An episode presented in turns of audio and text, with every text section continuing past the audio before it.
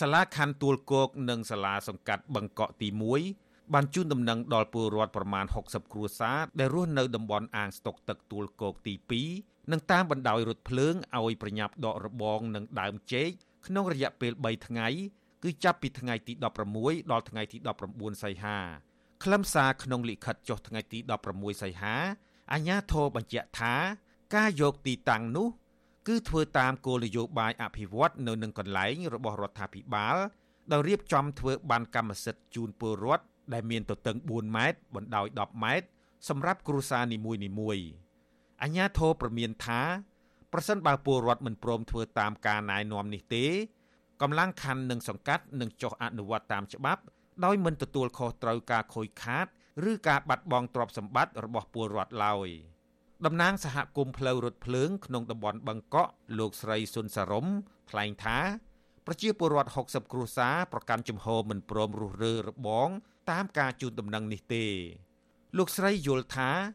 នេះជារឿងអយុត្តិធម៌សម្រាប់ពលរដ្ឋដែលបានផ្ដល់ដីជូនសាលារដ្ឋាភិបាលភ្នំពេញអភិវឌ្ឍអស់31ម៉ែត្ររួចហើយបែរជាអាជ្ញាធរខណ្ឌនិងសង្កាត់ចង់យកដីនៅសល់ជាង20ម៉ែត្រទៀតទៅបែងចែកជា2ឲ្យពលរដ្ឋផ្សេងទៀត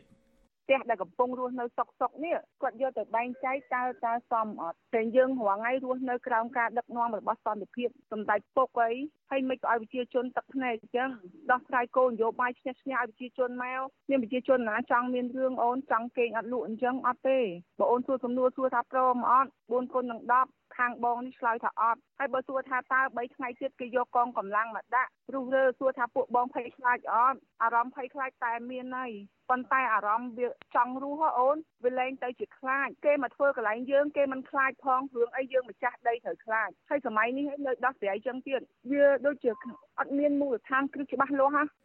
ឆ្លើយតបរឿងនេះចៅសង្កាត់បឹងកក់ទី1លោកវុឌ្ឍរិទ្ធមានប្រសាសន៍ថា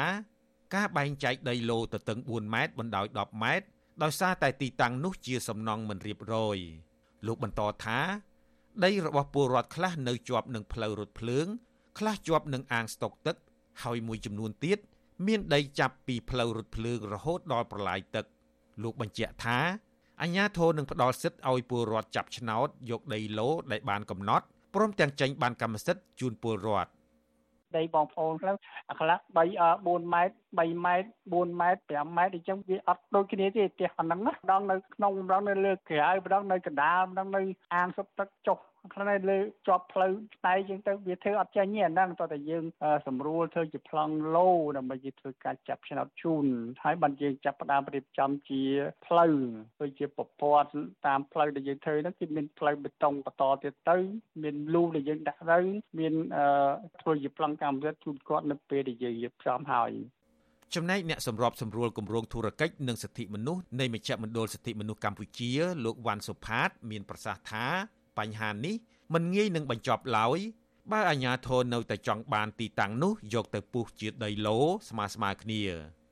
លោកយល់ថាអាជ្ញាធរគួរតែមានដំណោះស្រាយល្អជាងនេះចំពោះពលរដ្ឋ60គ្រួសារដែលនៅសល់ដីច្រើនក្រោយពីការអភិវឌ្ឍរបស់សាលាក្រុង មន្ត្រីសង្គមស៊ីវិលដែលឃ្លាំមើលផ្នែកសិទ្ធិមនុស្សនិងដីធ្លីរូបនេះស្នើអាជ្ញាធរដោះស្រាយបញ្ហានេះដោយសន្តិវិធីជូនពលរដ្ឋជៀសវាងប្រើកម្លាំងទៅគំរាមកំហែងពួកគាត់ ដំណាក់កាលនេះវាជាដំណាក់កាលមួយដែលអាជ្ញាធរគួរតែយោគយល់ហើយត្រូវយកប្រដេញយោបល់របស់ប្រជាពលរដ្ឋនឹងយកមកពិចារណាម្ដងទៀតប៉ុន្តែខាងប្រជាពលរដ្ឋក៏យើងត្រូវតែមានការសម្បទានដែរថាបើសិនជាពេលណាកន្លែងណាដែលយើងអាចគួរតែទទួលយកបានអានឹងជាយើងកុំឲ្យមានការនៃប្រឈមមុខដាក់គ្នាហិង្សាដាក់គ្នាតាមផ្លូវកាយឬតាមផ្លូវតឡាការអញ្ចឹងណាដោយសារមានការពុះជាដីស្មើស្មើគ្នាដើម្បីឲ្យងាយស្រួលក្នុងការវាស់វែងក្បាលលោដីនឹងឲ្យបាននឹងភាពងាយស្រួលដល់អាជ្ញាធរតេពាន់ការផ្ដល់បានកម្មសិទ្ធិអីចឹងអានឹងប្រជាពលរដ្ឋគួរតែពិចារណាដែរក៏ប៉ុន្តែជាសិទ្ធិរបស់គាត់ធ្វើការទាមទារឲ្យមានដំណោះស្រាយតាមទំហំដីដែលគាត់មានស្រាប់អានឹងក៏ជាសិទ្ធិរបស់គាត់គាត់មានសិទ្ធិអញ្ចឹងប្រជាពលរដ្ឋនៅតែប្រកាន់ជំហរការពារដីនិងផ្ទះសម្បែងរបស់ពួកគាត់បើទោះបីជាត្រូវប្រឈមនឹងបញ្ហាអ្វីក៏ដោយលើសពីនេះ